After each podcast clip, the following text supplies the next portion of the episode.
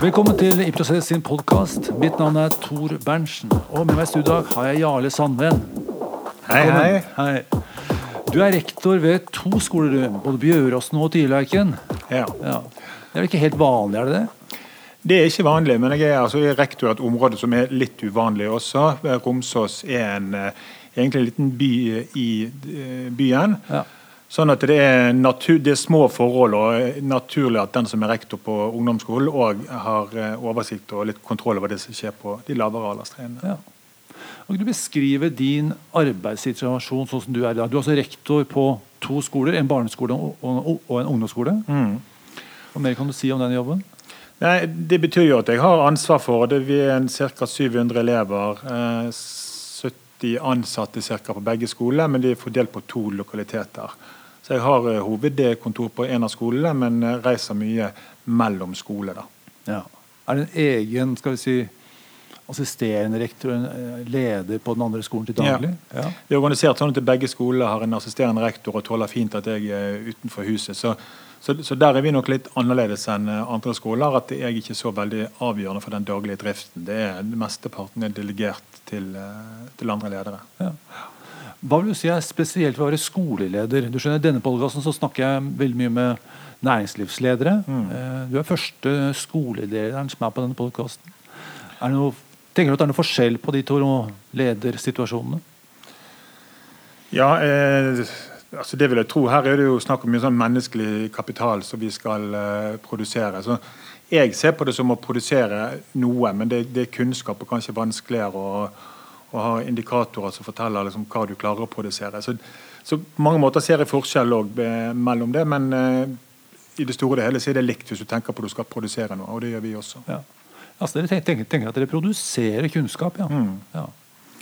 Jeg tenker det. Jeg tenker at det som er elevene sitter igjen med etter de har vært under vår påvirkning, det er det bidraget vi har hatt. Og Det kan vi i stor grad nå sette tall på, både når det gjelder den sosiale læringen til elevene og til den faglige. Så det er i hvert fall ikke noe problem å styre etter, eh, etter resultater og tall når du jobber i skole i dag. Bør ikke være det. Akkurat. Hva tenker du er de viktigste utfordringene til ja, Vi kan starte med skolen i dag, da, så kan vi ta deres skole etterpå. Hva, er det noen spesielle områder eh, som skolen må bli bedre på i dag? Ja. Nei, det, det, er, det er superviktig at skolen henger med i utviklingen. Nå går det så fort både digital utvikling, globaliseringen gjør at det er, altså det er så mange utfordringer vi kan ta tak i. Det er, det er så mye vi skal, lære. at det er, det er viktig at skolen følger med i timen, samtidig som de, de er flinke til å prioritere hva vi skal ha som mandat. For det er så fryktelig mye, og alle vil ha veldig mye ut av skolen. Ja. Hvor langt har vi kommet på den reisen? her? Bare så et lite bilde. Um, Jeg har jo Ta meg som eksempel. da, Jeg jo passert 50 så vidt det er. og uh, Kan du gå tilbake og huske at uh, når jeg gikk på skolen, så var det veldig ren klasseromsundervisning uh, med variasjoner. Så har jeg også jobbet i skolen i noen år, og da var det jo også klasseromsundervisning med mye større grad av teamarbeid og prosjektarbeid. Dette er jo også veldig mange år siden, nå er 20 år siden kanskje.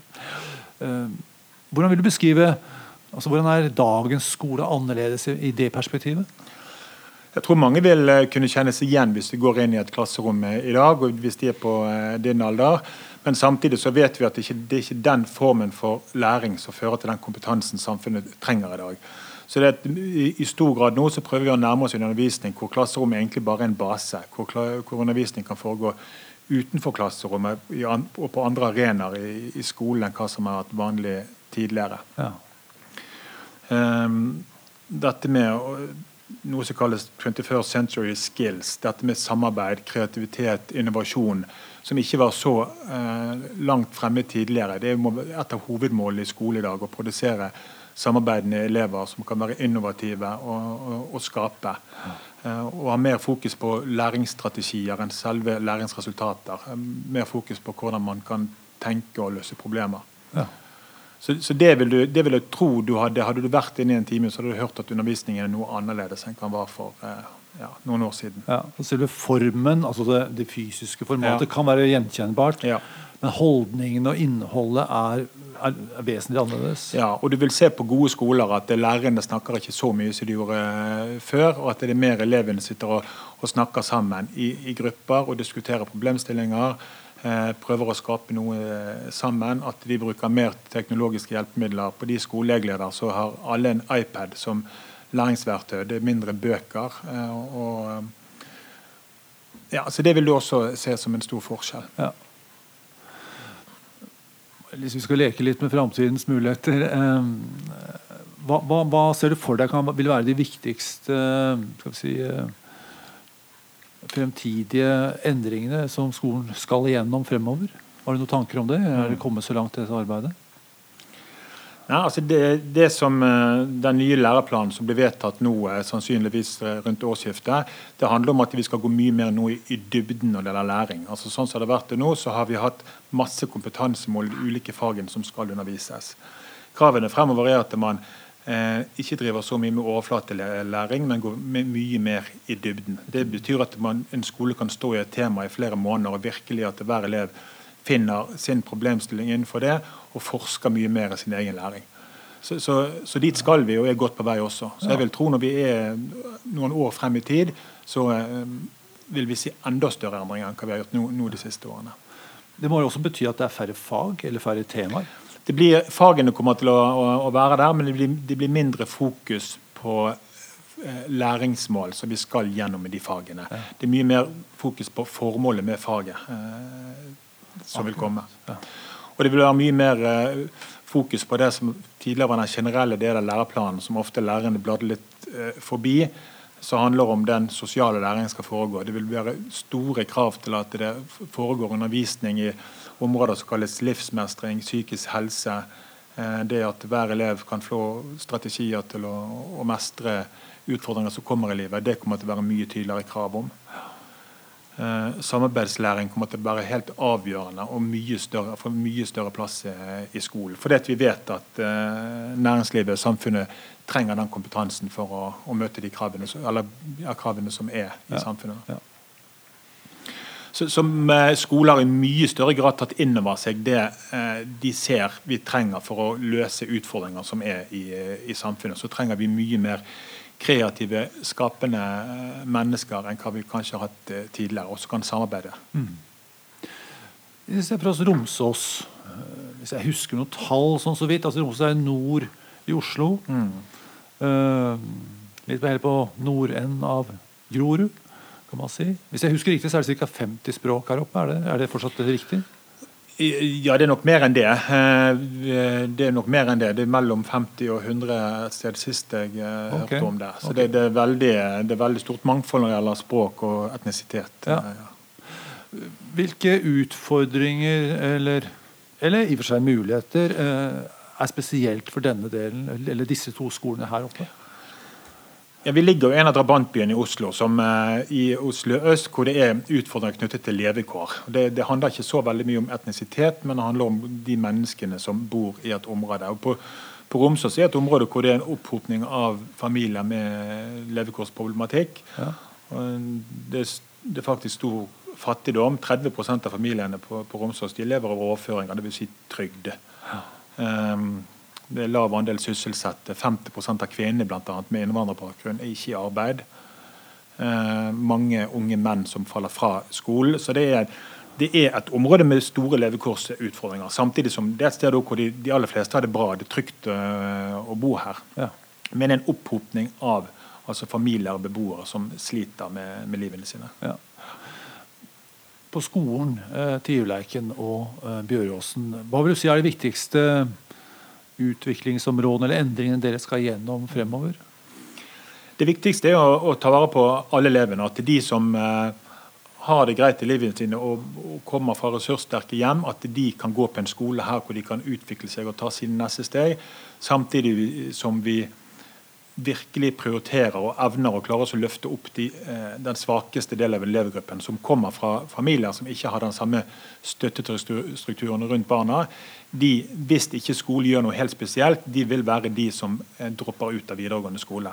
Og vi har 30-40% av de eh, elevene på skolene, og vi har en 30-40 drop-out fra skole. Så det henger sammen. Ja. Levekår og, og drop-out.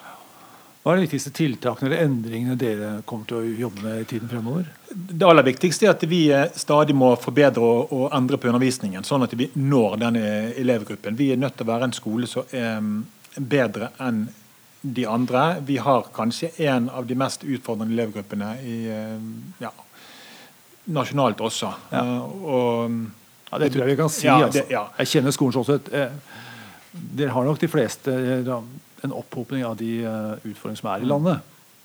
Det, det, det, har dere her også, stort Ja. sett. Vi har det. Og så har byrådet et mål om at eh, i Oslo så skal det være 85% gjennomføringsgrad av videregående skole. Nå ligger jo Oslo på eh, et eller annet sted på 70 eller noe sånt. 4-75 Ja. Så det er jo et nasjonalt problem at så mange dropper ut av videregående skole. Og det er et stort, enda større problem for, for guttene. Og vi har en gjennomføringsgrad på ca. 65 eh. Eh, og vi må ha samme ambisjoner på de elevene som vokser opp her. At det, alle som vokser opp her, skal også ha muligheten til å gjennomføre videregående skole, få seg jobb og få gode liv.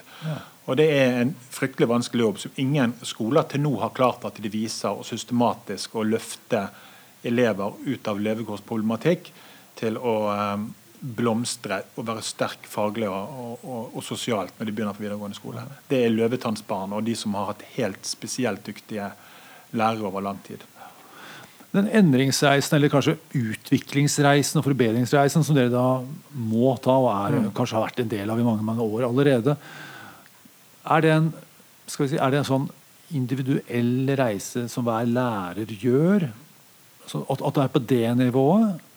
Eh, Eller er det mer en sånn strukturell reise for hele skolen som kollegium? Har du noe, kan du Mm. si litt om det? Vi, vi har forsøkt det at det, man gjør det individuelt. Og da er det noen som, um, som kan blomstre og være god der. Og vi har hatt mange eksempler på lærere på Romsø som har gjort helt, helt ekstremt gode prestasjoner og løftet opp hele klassen sin til trygge nivåer faglig og sosialt. Men det er spesielt og, og sjeldent. Så de gangene når vi er god samlet, så, jo, så lærer vi av hverandre. Vi gjør mye av de samme tingene som vi vet virker. Vi har noen felles standarder.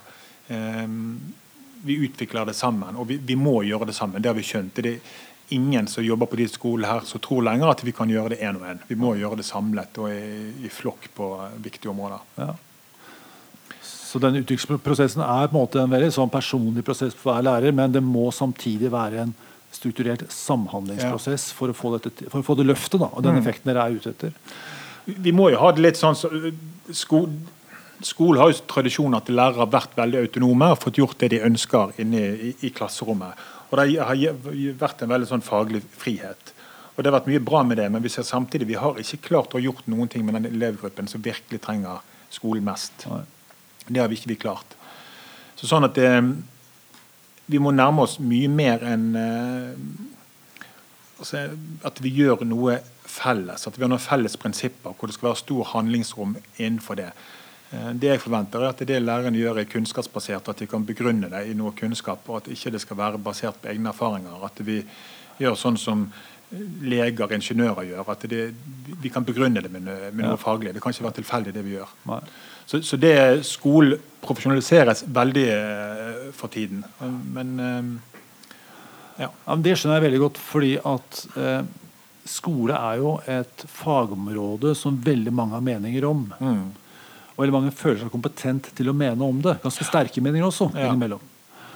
Uh, og den, si, den friheten der, den, den kan ikke lærerne ha. De må være de proffe. De må selvfølgelig ha meninger om det, selvfølgelig. Men det bør være faktabaserte meninger, eh, først og fremst. Eh, og så må du kunne dokumentere effekter da, og forklare effektene. mm. Det er alltid, det er ikke alltid enkelt. Nei.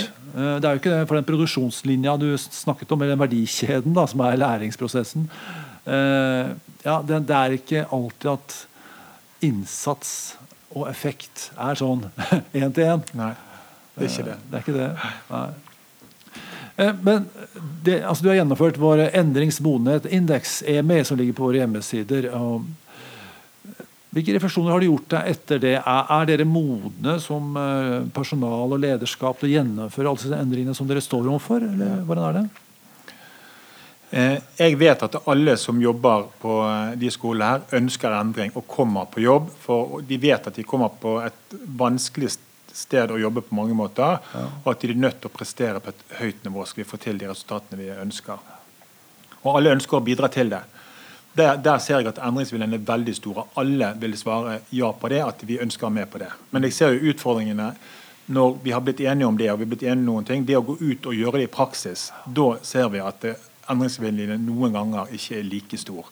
For det, er, det, det kan noen ganger være lett å sitte på et uh, møte og vi inspirerer hverandre, og dette skal vi få til. Uh, men når hverdagen møter oss, faktisk med den eleven som kommer på skolen, uh, som kanskje sliter masse på hjemmebane, har en mor med seks andre gutter med dårlig råd Um, lite støtte, barnevernssak, BUP, kommer på skolen. Og, det, og, vi har ikke verktøy for å kunne gjøre noe med det. Da er det lett å, å, at det kommer en motstand og sier at dette kan ikke vi klare. Ja.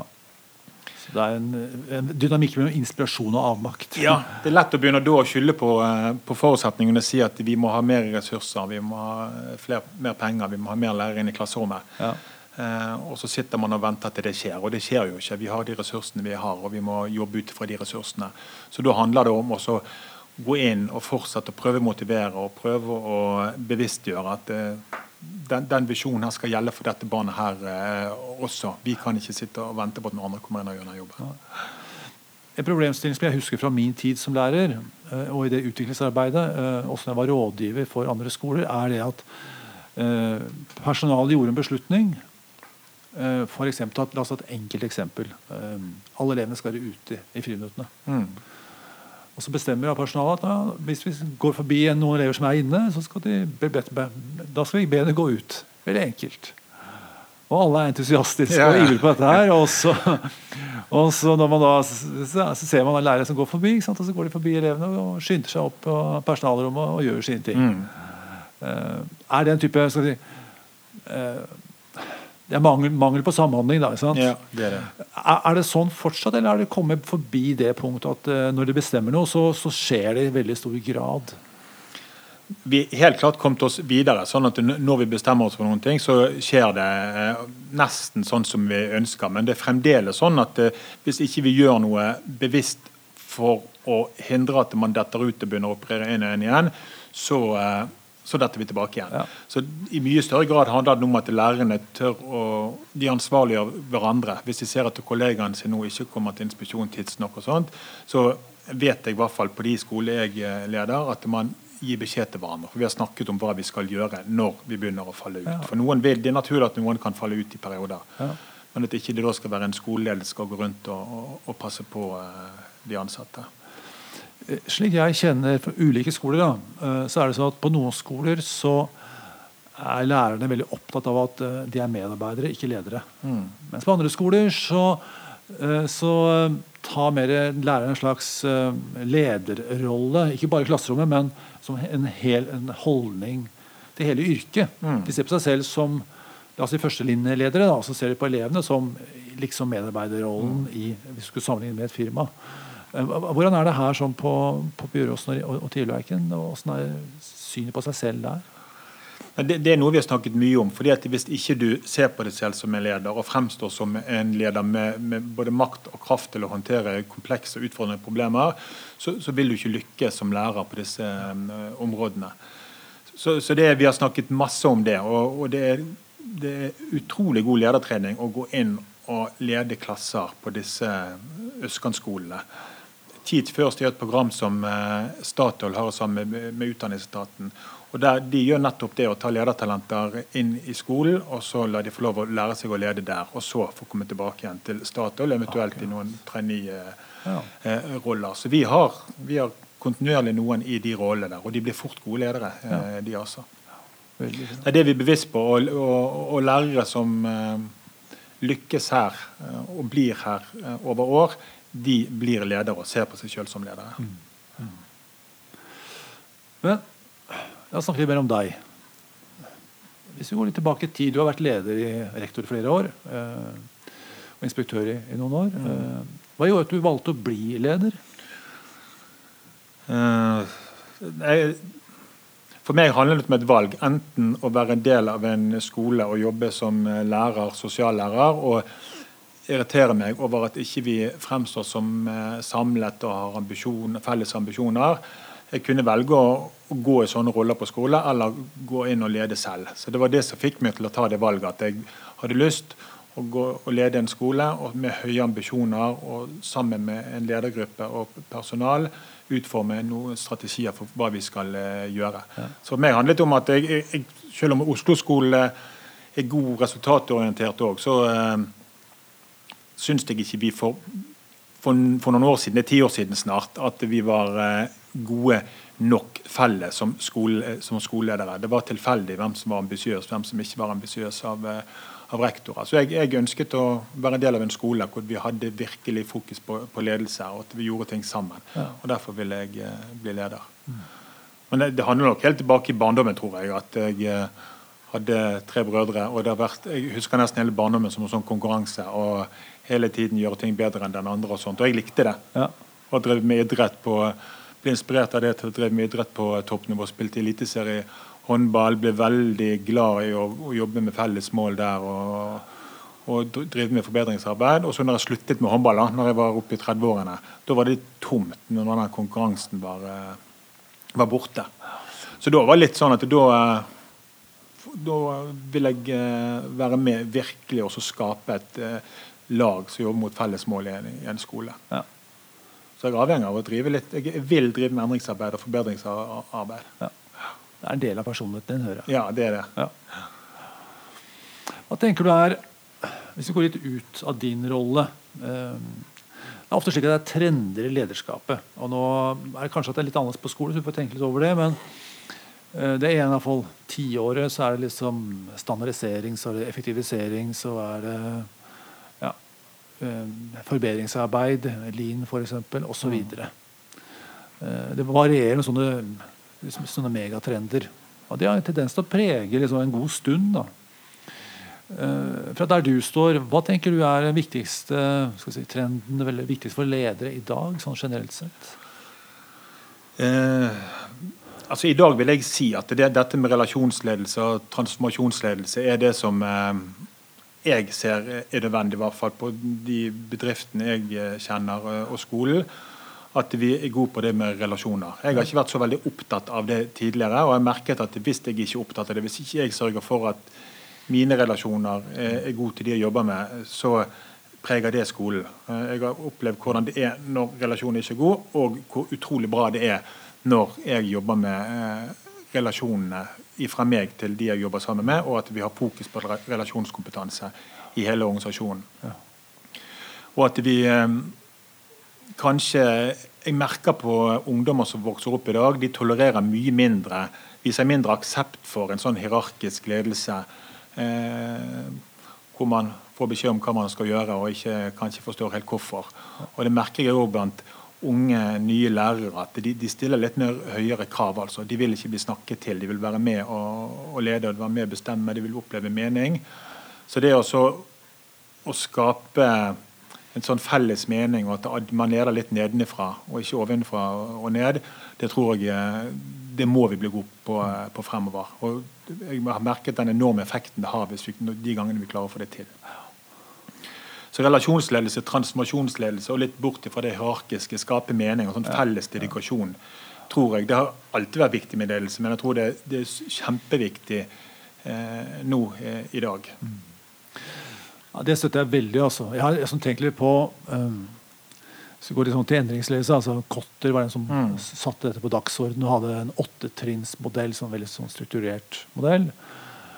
Så jeg tenkte I dag så kommer endringene såpass fort, og du vet jo ikke hva resultatet skal bli bestandig. og Den ene endringen slår den andre i hjel, eller i hvert fall ikke slår i hjel, kanskje, men følger på den andre. Det er ikke alltid for fullført heller, fordi man begynner på nytt. Mm.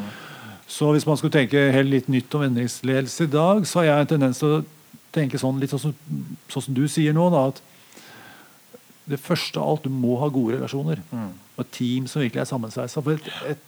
Hvis du har gode relasjoner og et sammensatt team, da tåler du nesten hva som helst. Du, da tåler du å bli ledet tydelig. Du tåler ja. få krav og forventninger. for Du blir inspirert ut av det. Du vil ha det hvis ja. det, du vil ha det i relasjonen i bunnen. Ja. Og hvis, hvis, endringsarbeidet er så krevende og stressende at folk mm. oppfører seg dårlig, ja. er relasjonene god, så tåler du det. Da fikser du det. Mm. Konflikten blir liten, og vi kommer ut av det.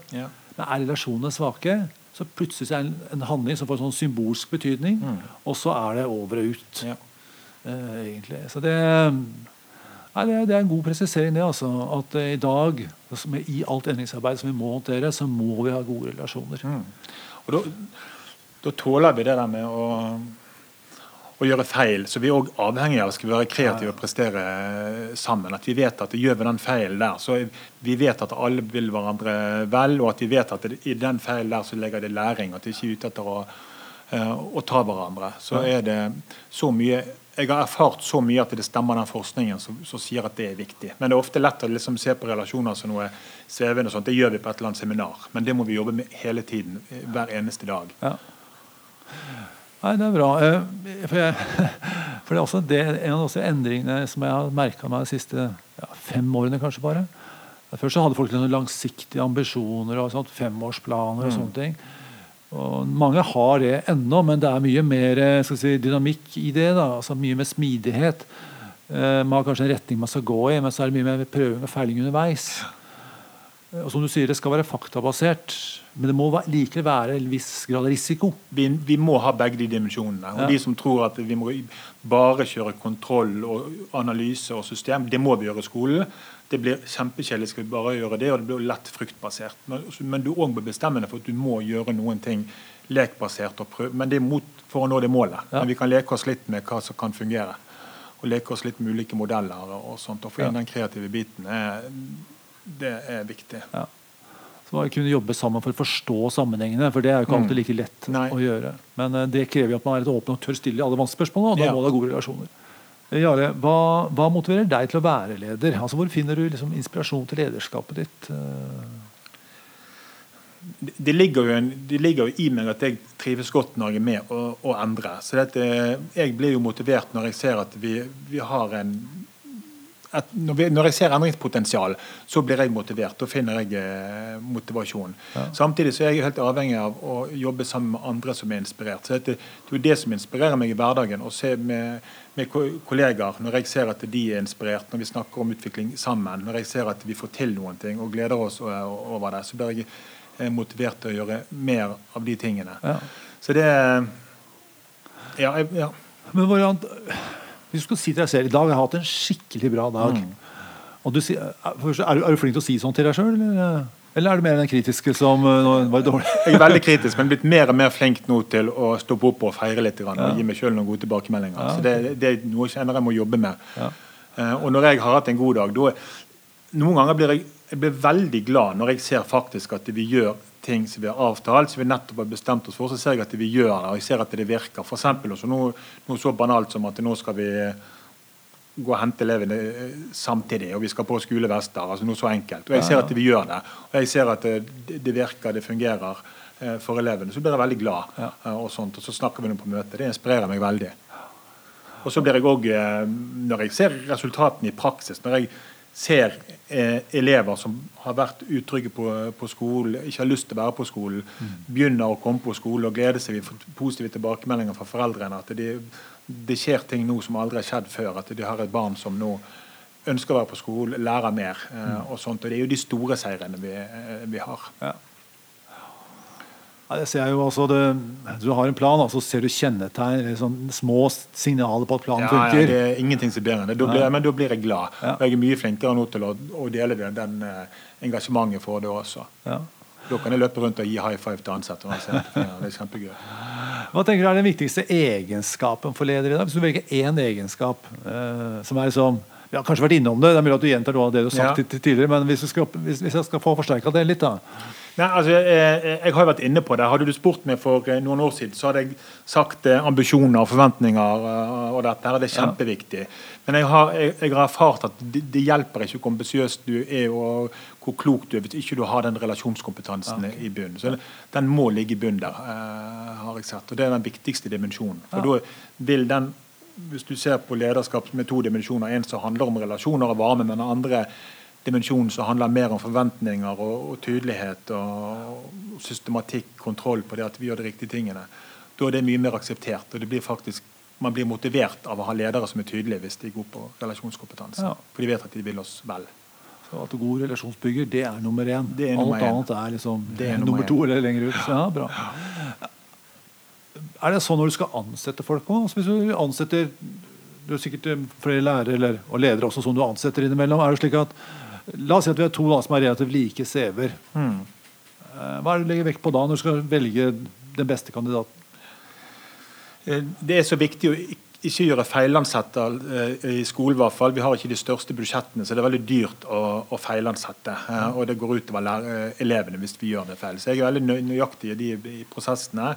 For det første med, med like kandidater så ønsker jeg å se de i klasserommet. Så det er ingen som får jobbe her uten at de har vært inne til en prøveundervisning, og at vi ser hvordan de fungerer sammen med elevene. Men det er òg for, for deres del at de vet faktisk hvor utfordrende og vanskelig det kan være. at de kan ta et valg om de får tilbud om stillingen. Det, det er dette som kreves. Så, så, og gjennom en sånn prøveundervisning så um, er ikke så veldig opptatt av all den kunnskapen de har og den fagligheten de har, men hvilke holdninger de viser til å jobbe med disse utfordringene og få til eh, resultater på vegne av eh, elevene. At jeg er ute etter de som har holdninger som ønsker å bli gode, ønsker å gjøre noen ting med dette her. Selv om ikke de har svarene, men at de, de har høye ambisjoner og de, eh, de ønsker å bli gode. Ja. Og at ikke de er noen som vil begynne å skylde på alle andre ting når de, og, når de har fått jobben. Så holdninger, det er jo eh, så det, Jeg husker ikke hvem som sa det, dette med 'higher eh, attitudes before skills', eller noe sånt. Ja, ja, ja. Det amerikanske. ja. Ja, eh, så holdninger Higher, higher attitudes, train for skills. Train for skills. Ja, ja. Sånn var det. Ja. Og det har jeg merket i praksis, at det er, er viktig. De som har de riktige holdningene, de blir. De ønsker å, å forplikte seg, og, og de er engasjerte og dedikerte. Ja. Du sier du har vært med Er det ti år du har vært leder i skolen nå? Sånn cirka? Ja, Det er ikke så uh, lenge. Jeg startet som rektor i 2013 og hadde vært uh, inspektør etter det. Så, Ja, men jeg er på åttende år. Tiden går, ja. Ja, tiden går. Hva er det du ser den viktigste eller største ja, Viktigste, største, mest krevende, du kan få velge sjøl. endringen som du har vært med på eller hatt ansvaret for, vil du si? Jeg syns det, det, det vanskeligste har vært er den eh, det skiftet som skjer litt i skole, at skole er nødt til å bli mye mer resultatorienterte. At vi er nødt til å vise faktisk at eh, vi får det til, eller at vi ikke får det til. At skole har fått vært litt i fred. Og, og litt sånn som andre offentlige eh, bedrifter. At det, det, det er vanskelig å si at dette er bra, og hvordan kan man drive forbedringsarbeid. Hva er indikatorene?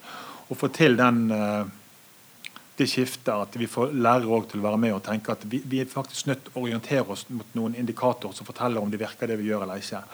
Få til det med den motstanden som har vært eh, mot nasjonale prøver, Oslo-skolen spesielt, som opplever at liksom resultatfokus. Vi har, vi har fokus på resultatene, ikke elevene. Å få eh, alle de ansatte med til å forstå at de tallene faktisk bare det er noen skjebner bak de tallene, og de, de vi er opptatt av. Men det, lett, det kan være lurt noen ganger å ha noen indikatorer å snakke om. Så det er vanskelig å, å få til det skiftet der. Eh, I hvert fall når fordommene er, er så store i Utdanningsforbundet blant lærere. Og forståelig òg at fordommen er der, for det kan brukes veldig feil når man begynner å operere med resultater. At det blir et fokus på resultater fremtid, i motsetning til å være orientert mot resultater. At det viser om vi går riktig vei.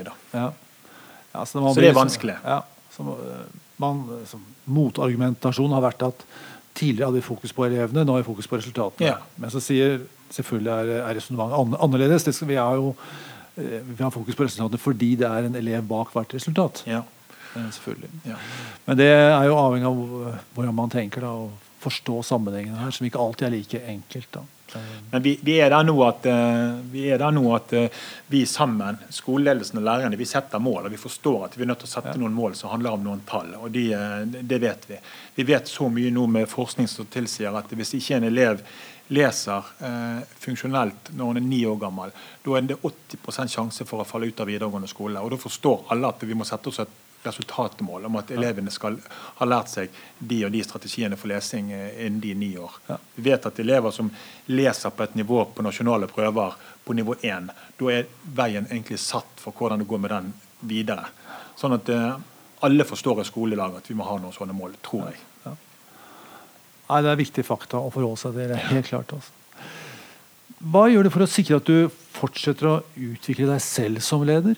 Det er jo en krevende jobb, det her. og Det står aldri stille.